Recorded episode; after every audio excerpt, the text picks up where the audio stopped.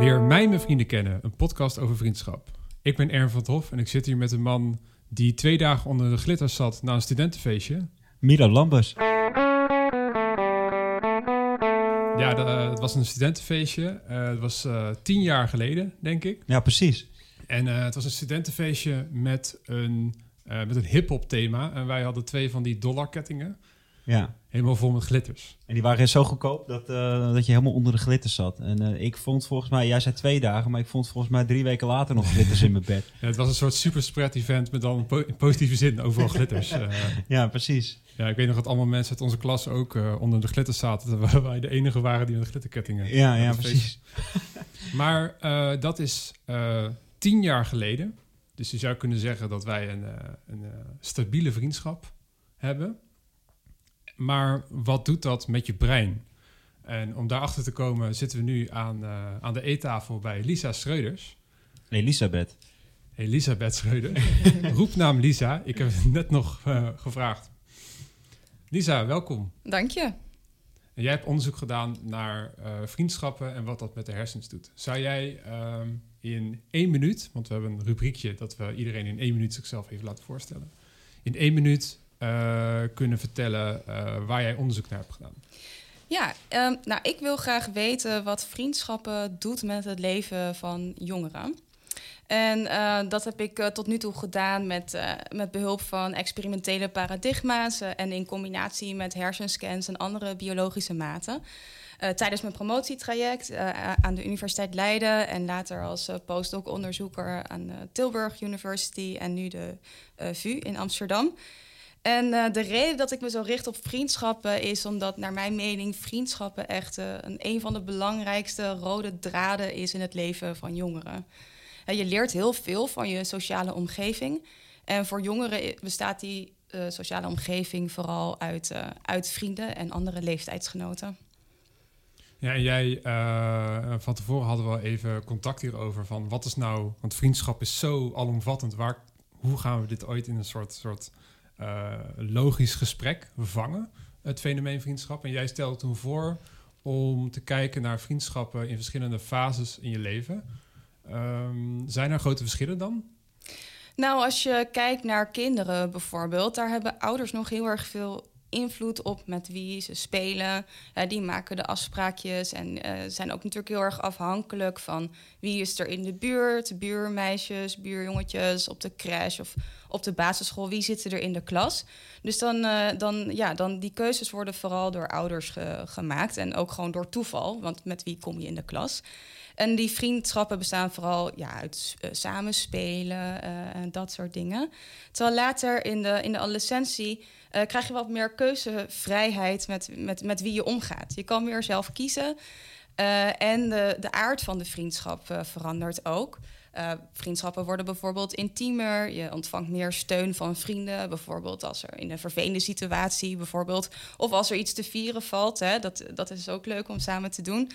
Ehm, en eh, ja, langzaamaan ga je denk ik naar een wat stabielere, stabieler sociaal netwerk. Eh, weet je, als je ouder wordt, eh, krijg je misschien een romantische partner en later een gezin.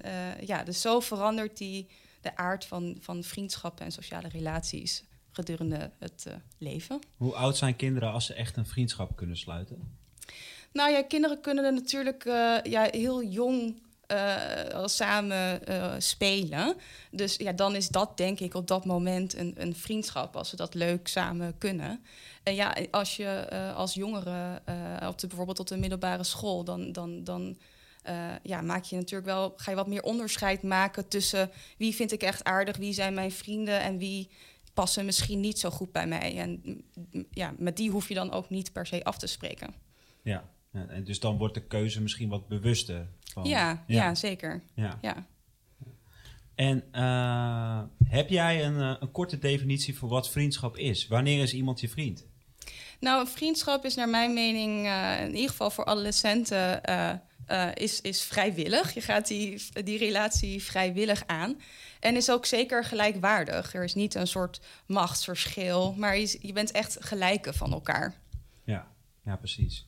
Dus je gaat samen met elkaar om, je bent kameraden. Dus het is niet dat de ene de basis over de ander. Of, uh... Nee, nee, ik denk dat je dus samen komt op bepaalde beslissingen om te doen. En dat je dus ja, dat, je die, dat die relatie echt uh, op gelijkwaardigheid berust. En dat je het natuurlijk met elkaar goed kan vinden en, naar, ja. naar, en dat je ja, voor elkaar wilt inzetten. Ja, ja precies. Ja.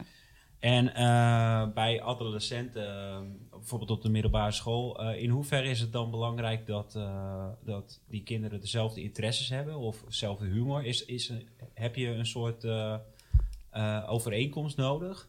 De, dat je op elkaar lijkt is echt wel um, een belangrijke basis voor een vriendschap. Mm -hmm. bijvoorbeeld dezelfde, ja, zelfde interesses voor sport of, of muziek. Uh, er is zelfs een studie, uh, een onderzoek dat laat zien dat uh, vrienden die, die, die had, hadden deelnemers gescand, vriendschapparen zeg maar, en die keken naar een, een filmpje, gewoon een, een, een heel neutraal filmpje, nat, natuur, natuurfilm of iets dergelijks. En dan zie je zelfs dat, dat die hersenen op dezelfde manier, meer op dezelfde manier reageren tussen vrienden dan, um, dan in vergelijking met mensen die zeg maar geen vrienden zijn, verder af van het zijn. Dus zelfs in de hersenen, ja. dezelfde hersenen zijn, lijken meer op elkaar. Oké, maar dat is eigenlijk dan, dat doen zij natuurlijk niet bewust, die vrienden. Is dat dan, uh, zij voelen aan dat ze een beetje op dat het dezelfde soort mensen zijn of zo, als je een vriend zoekt? Nou, misschien, of misschien uh, ja, uh, ja, vormt zo'n vriendschapje wel, dat je op bepaalde, een bepaalde manier op dingen gaat reageren. Mm -hmm. Ja, dat ja. is nog een beetje gissen, denk ik, ja. maar ja, er, er, er gebeurt, het doet dus iets met je. Ja, precies. Ja. En kun je iets meer vertellen over jouw uh, promotieonderzoek? Ja, ik heb tijdens mijn promotieonderzoek, uh, met meeste uh, recente onderzoek, wat binnenkort wordt gepubliceerd in het vakblad Nature Communications, heb gekeken naar een hele bijzondere type vriendschap, namelijk de relatie met je beste vriend. Ja. En daarin heb ik ook nog onderscheid gemaakt tussen jongeren die langdurig dezelfde beste vriend hebben. Dus uh, dat heb ik stabiele vriendschap genoemd. En jongeren die steeds wisselen van beste vriend. Uh, dus een instabiele beste vriendschap. En uh, de belangrijkste onderzoeksvraag daarvoor was... hoe reageren, ja, of hoe ontvankelijk zijn jongeren... voor een beloning voor, als ze die winnen voor een beste vriend. en da daarvoor hebben we gekeken naar een hele specifieke hersenkern. Mm -hmm. En dat heeft misschien wat, even wat uitleg nodig. Er is namelijk uh, diep in de hersenen een, een, hersenkern, het ventraal striatum. En die uh, is heel erg betrokken bij het verwerken van beloningen. Dus bijvoorbeeld als je wint in een spel. Mm -hmm. uh, als je wint voor een spel voor jezelf, dan wordt dat gebied actief. Of als je iets doet wat je leuk vindt, je favoriete muziek luistert... of, ja. of je favoriete eten eet ja. of iets dergelijks. dus... Um, dus we hebben gekeken hoe reageert, hoe uh, is de activiteit gedurende de hele adolescentie in, voor die twee groepen jongeren met die verschillende vriendschappen. Mm -hmm. Wat we dus zien is dat jongeren met een stabiele beste vriendschap, dus die langdurig diezelfde beste vriend hebben, als die winnen in een spel voor die beste vriend, zien we van vroege adolescentie, dus uh, laten we zeggen acht jaar, tot midden-late adolescentie, laten we zeggen 17, 18 jaar, een toename in die reactie in, die, in, de, in de hersenen. Oh ja. um, en daarna neemt het weer af. Dus ja. is een soort piek en dan neemt het weer af.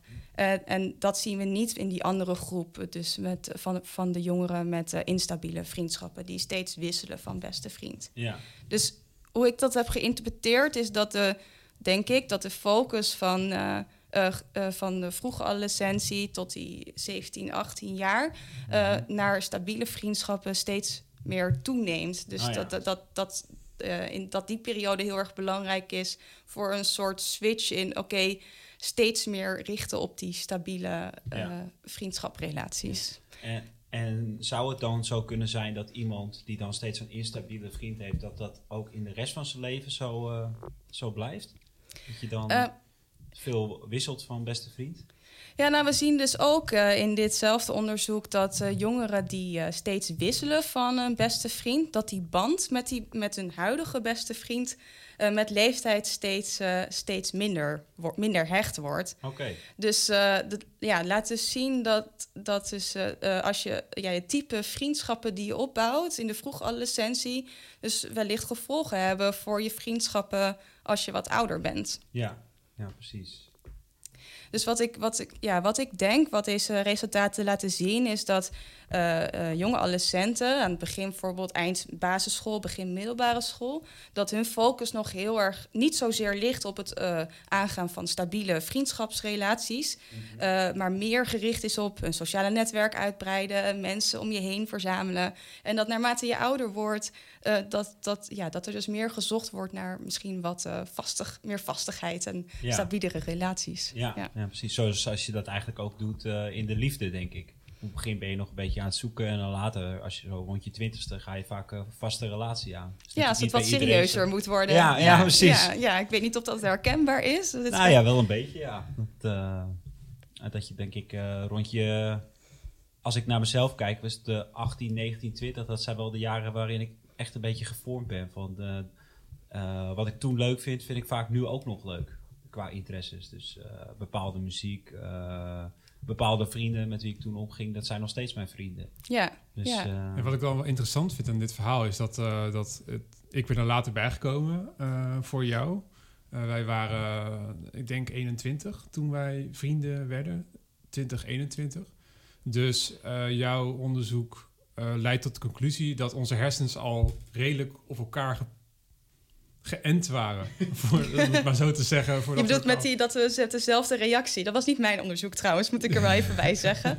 Ja, maar wel dat, dat uh, uh, wij hebben allebei uh, een, een, best wel hechte vriendengroep gehad in onze adolescententijd. Ik denk dat ja. jij had echt zo'n groep, jullie groep heet zelfs de Kasterkumse Boys.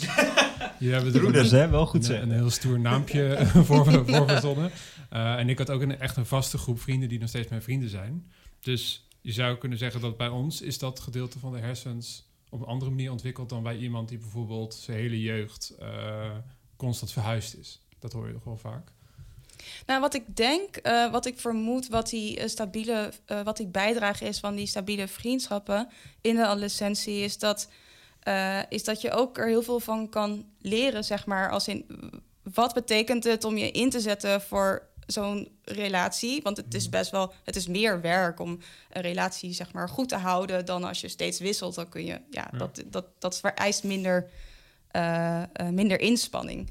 Dus ik denk dat uh, wat, dat, dat ook een, een bijdrage kan leveren aan hoe later je vriendschappen zijn. Dus wat het effect van verhuizen is.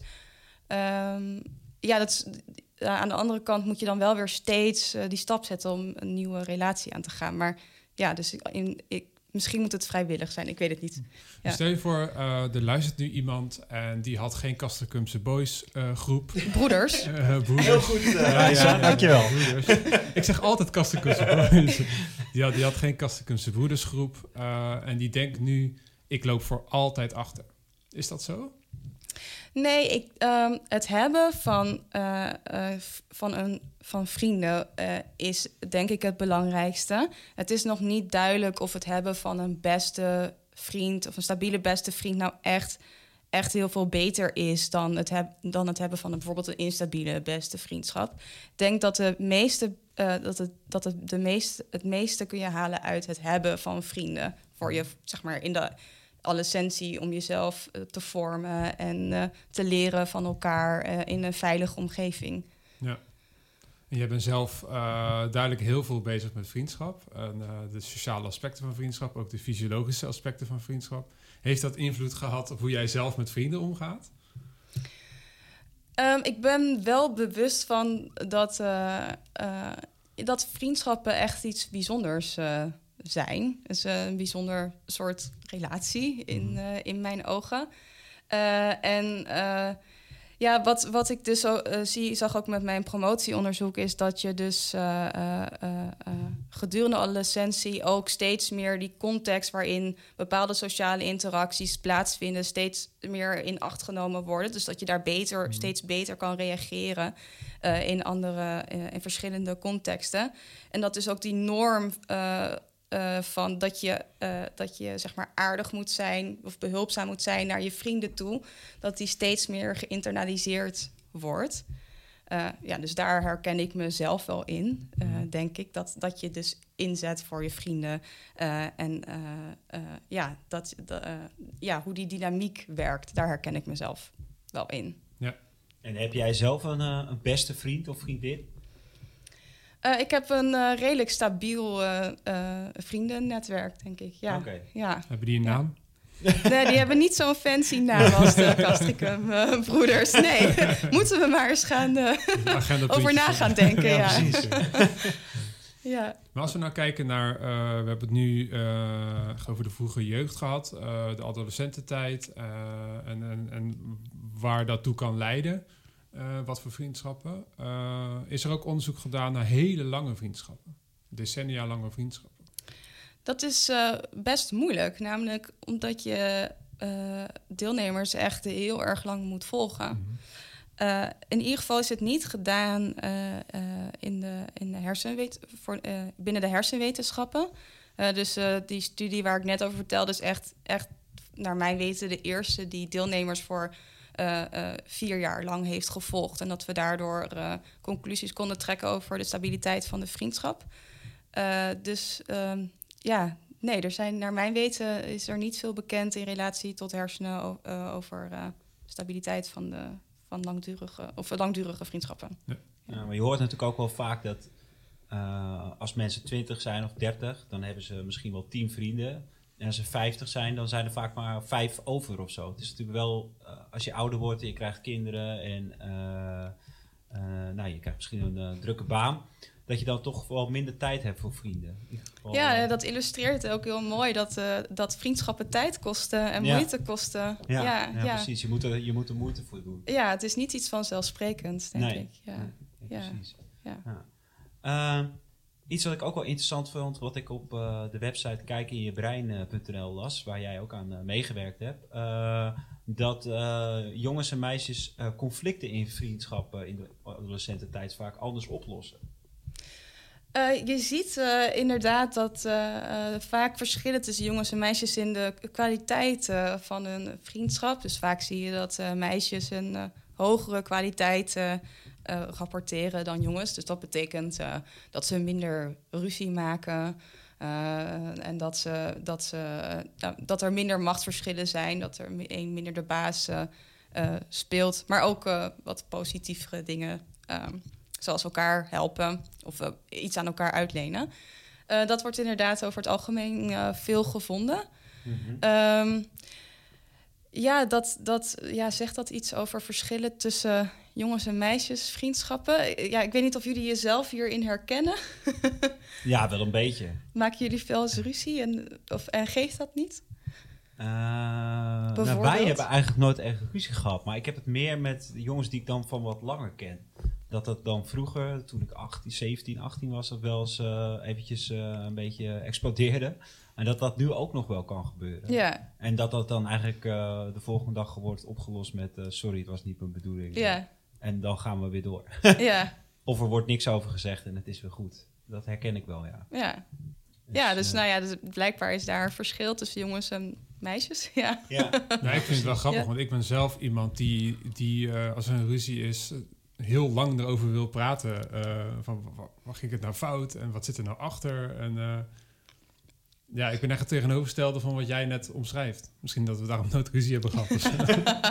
jij voorkomt het. Ja, of er zit gewoon heel veel opgekropte woede in mij die, uh, die ineens uitkomt. Dat uh, zou ook nog kunnen, ja. Ja. dus wat dat betreft hebben jullie dan wel een andere stijl.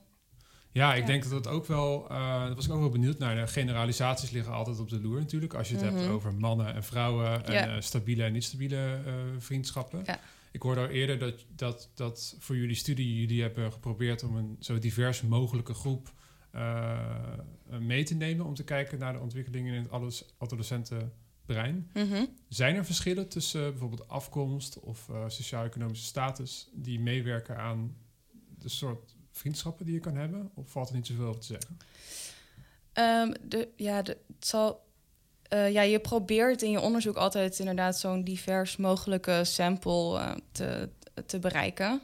Dat, dat kan best lastig zijn. Dus ja, voor ons onderzoek hebben we ons best gedaan. Maar misschien dat toch wel mee, ja, mee, vaak doen er toch kinderen van ouders mee die wetenschappelijk onderzoek interessant vinden. Um, maar ja. Um, ja, je, Um, ja, je, je, ik denk wat, waar, wat je, waar je denk ik rekening mee moet houden, is dat als jij uh, een wat, uit een wat lager sociaal-economisch, uh, uh, hoe zeg je dat, eh, omgeving komt, dat je misschien wat minder ruimte hebt of minder kans hebt om wat meer jezelf, ja, wat vrijer jezelf te ontwikkelen. Maar ja, ik, het is moeilijk om hier iets, iets over te zeggen op basis van onderzoek wat ik gedaan heb. Ja, precies. Ja. En daarom vond kan, ik... Ja, kan me voorstellen, ja. Ja. ik vond juist omdat je heel snel dit soort uh, sociale aspecten tegenover dit soort onderzoek aan kan kwakken, uh, wat, dan, wat dan heel ingewikkeld wordt. Ja. Van uh, alles is met elkaar verbonden en, Ja. en wat is het nou wat een wat vriendschap vormt. Vond ik het juist interessant dat jouw onderzoek heel erg zat op het fysiologische eh, aspect. Als in, je ziet letterlijk iets in de hersens veranderen. Eh, wat, ik, wat ik ook wel een beetje eng vind of zo. Eh, Nou, dit, dit, dit, het is in principe een typisch ontwikkelende eh, groep van deelnemers. Dus Ja. het is niet een gekke ontwikkeling. Het is, het is beschrijvend van, nou, zo loopt het. ja. En ik denk wat, waar je een beetje naar zoekt, zijn, die zijn er individuele verschillen tussen deelnemers. Uiteraard, wat, ik, ja, wat ik zie in mijn onderzoek is. Ja, je kan, je, je- iedereen volgt wel een beetje zo eh, dat, dat, dat patroon wat ik beschreef. Van eh, die reactie van de hersenen zie je eerst toenemen van tot een bepaalde leeftijd en dan weer afnemen.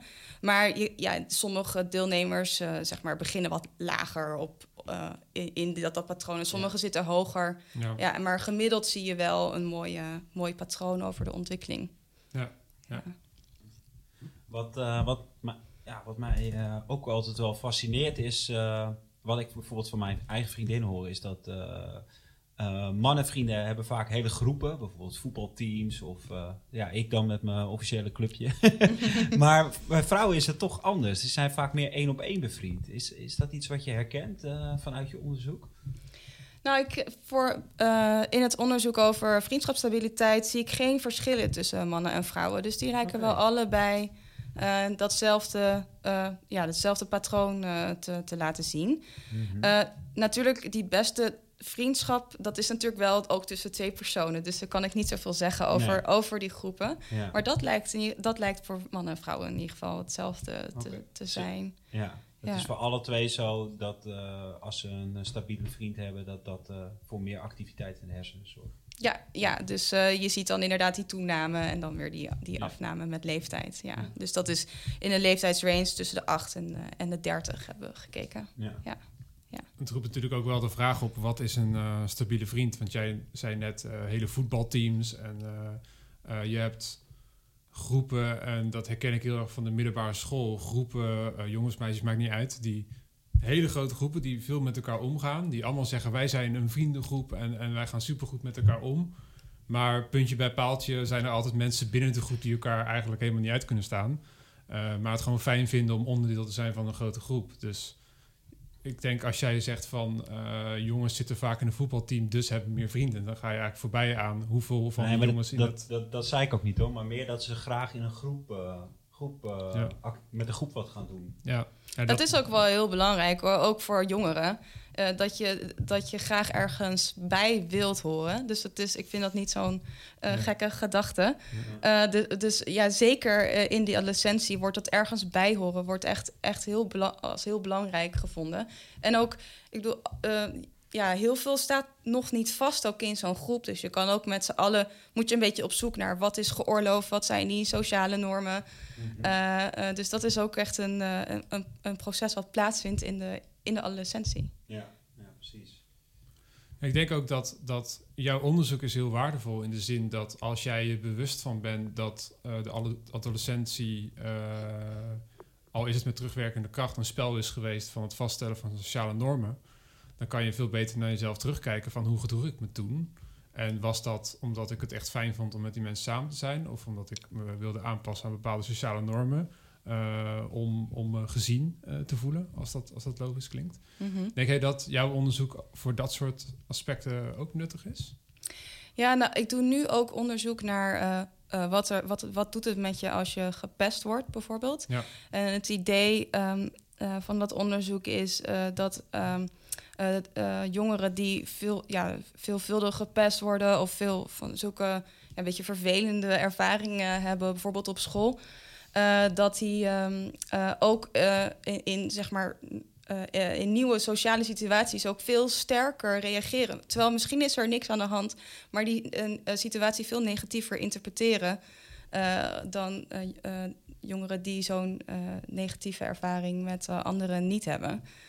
dus dus ja, dat doet wel wat met je. Ja. En is het dan zo, of is dat wat je onderzoekt, dat uh, mensen die gepest zijn moeite hebben om uh, vriendschappen te sluiten? Of?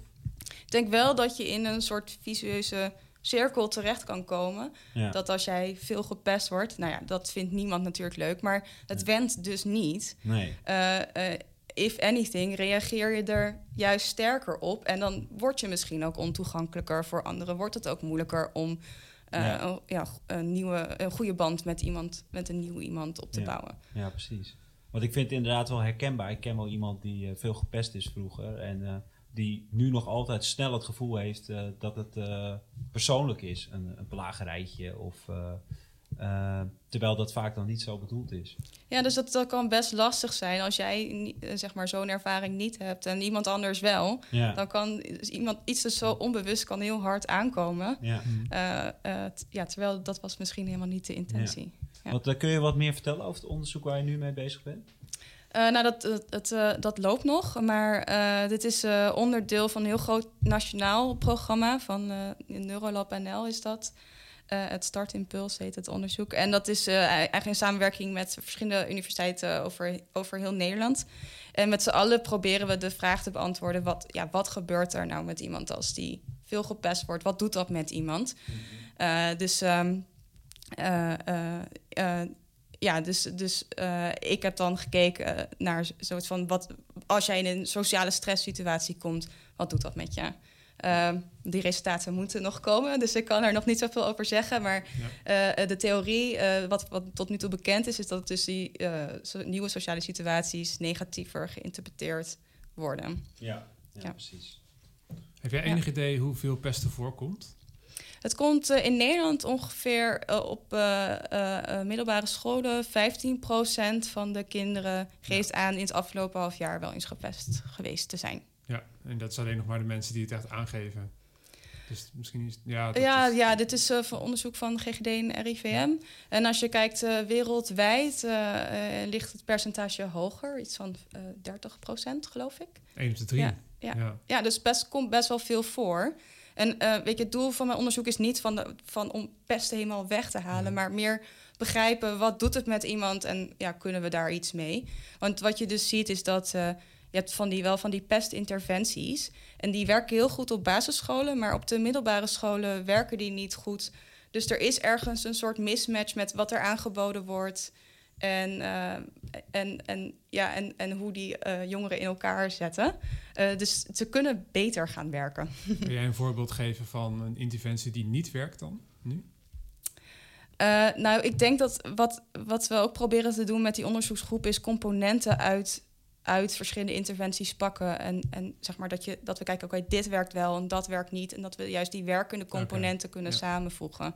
Ja. ja. Ja, Maar dat is niet mijn onderdeel. Dus ik, ik ja, nee, precies. Het ja. is een heel groot project ja, waar jij een, uh, een, stukje van uh, voor je rekening neemt. Ja. Het is wel interessant hoor, want uh, als jij jouw eerdere promotieonderzoek samenvoegt met het onderzoek wat je nu doet, dan is best wel verontrustend dat als je aan de ene kant zegt van de stabiliteit van vriendschappen is van groot belang voor je sociale ontwikkeling, uh, zou, zou je kunnen zeggen. En aan de andere kant dat 15% van de, uh, van de kinderen in Nederland in een situatie zit dat zij een negatieve ervaring hebben in sociale omgevingen. Ja, nou, ik denk ook dus dat je dat niet helemaal weg kan krijgen. Maar ik denk wel dat je als school bijvoorbeeld uiteindelijk zou kunnen helpen met hiermee omgaan. En dat je als je bewust van bent, nou, pesten went niet. Dat je daar, dat daar al heel erg op ingespeeld kan worden. Of dat als iemand iets op een bepaalde manier interpreteert, dat je, ja, dat je niet snel denkt, oh, die stelt zich aan of iets dergelijks. Ja. Uh, ja, en ik denk dus dat, dat ja, het hebben van, uh, van, een goeie, van goede vrienden is dus echt wel, draagt echt bij uh, ook aan je ja, welzijn. Ja, ja. ja. En als je gepest wordt, hè, gebeurt er dan ook iets specifieks in je hersens? Ja, wat we eerder onderzoek heeft laten zien, is dat, dat hersengebieden die ehm, uh, die betrokken zijn bijvoorbeeld pijn, fysieke pijn, maar dus ook sociale pijn als je buitengesloten wordt, dat die eigenlijk hyperactief zijn, zeg maar, bij, bij, bij, jongeren, bij jongeren die chronisch gepest worden. Dus als zij buitengesloten worden in een balspelletje, wat ze dan in de scanner, in de MRI-scanner hebben gespeeld, dan zie je dat zij dus een sterkere reactie in die hersengebieden hebben als zij buitengesloten worden. Ja. Um, zelfs zelfs als in een soort uh, in een balspel waarbij ze in principe niet buitengesloten worden, uh, maar ze krijgen evenveel als andere deelnemers de, de bal. Uh, maar op het moment dat ze dan niet de bal krijgen, dus dat ze mogelijk buitengesloten zouden kunnen worden, zie je zelfs ook die reactie. Ja, ja. Dus ja, het went dus niet. ja. Het verklaart heel veel ruzies met Monopoly. oh ja. in, de, in de toekomst. Uh, waar, ik ook nog uh, benieuwd naar was, is uh, jij omschrijft de adolescentietijd heel erg als een, als een, een tijd van bijna het, het, het opzetten van je eigen sociale regels. ten opzichte van anderen. En iedereen is dat aan het doen. Het wordt, het wordt waanzinnig ingewikkeld natuurlijk, heel snel, omdat iedereen dat aan het doen is. Is dat een proces wat je hele leven lang in zekere zin doorgaat? Want je neemt natuurlijk altijd dingen mee als je wat ouder wordt, dan kom je nog steeds natuurlijk in nieuwe sociale situaties terecht. Ja, ik denk dat uh, in de adolescentie dat je ook nog die vaardigheden heel erg aan het ontwikkelen bent. Ehm, dus ehm, dat en je wordt die, die hersenen die ontwikkelen natuurlijk ook nog. Um, dus dus ja, sommige dingen moet je ook gewoon nog aanleren. Bijvoorbeeld uh, beheers, uh, ja, emoties reguleren, beheersen, uh, plannen en organiseren en zo. En dat komt natuurlijk ook allemaal terug in, in sociale interacties. bijvoorbeeld ander begrijpen. Het, als je erover nadenkt, het kan best lastig zijn om het perspectief bijvoorbeeld van iemand anders aan te kunnen begrijpen. dat, dat moet je ook nog goed, goed leren, zeg maar, hmm. om dat te kunnen, kunnen doen. Uh, dus ik denk dat in de adolescentie daarvoor echt een hele belangrijke vormende fase is. Uh, en ja, natuurlijk uh, weet je, sociale interacties en ja, die zijn gewoon heel, heel dynamiek. Dus ja, dat, dat blijft altijd wel een beetje doorgaan. Maar ik denk dat de adolescentie echt een hele belangrijke vormende fase hiervoor is. Ja, ja. Nou, ben jij zelf moeder? Tenminste, er staat hier een... dat heb je goed opgevangen, ja. nou, er staat hier een, er staat hier een, een kinderzitje. Uh, nou weet jij dit allemaal. Uh, ja. Is dat, is, dat een, is dat een zegen of een vloek als je iemand moet opvoeden? Ja, dat gaan we zien, eh, denk ik. Ik weet, denk niet dat het me per se een, een betere moeder zou maken of zo. ja, ik, ik zou het natuurlijk wel heel erg, zeg maar, sociale interacties en zo heel erg stimuleren. Maar ja, ja ik en uh, heb je in de hersenscan kijken uh, ja, ja, ja, nou, ze mag wel meedoen natuurlijk met heel veel onderzoeken. Dat zou ik ook zeker stimuleren. Maar ja, ik zou vooral ook gewoon uh, je kind zelf laten ontwikkelen natuurlijk op dat gebied. Ja. Nou, heel bedankt dat jij uh, je kennis wilde delen met ons. Ik weet niet Graag of, gedaan. Milo nog een vraag heeft. Nou, een hele belangrijke vraag. Okay. Uh, wat vond je van de taart van uh, ja, Dudok Patisserie? heerlijk. ja, wat was het ook alweer? Een, een soort wortel ja. notentaart. Ja, het is wel echt een goede binnenkomer was dit. Oké. heel bedankt Dudok. Want wat, we, wat we ook nog natuurlijk eventjes moeten vermelden... is dat jij vandaag jarig bent. Ja. Dus, dus die, dat wisten jullie natuurlijk. Daarom dat dat wisten wij uiteraard, ja. dus nee, dankjewel. En ja, nog een fijne verjaardag. Dank je wel. Dank jullie wel.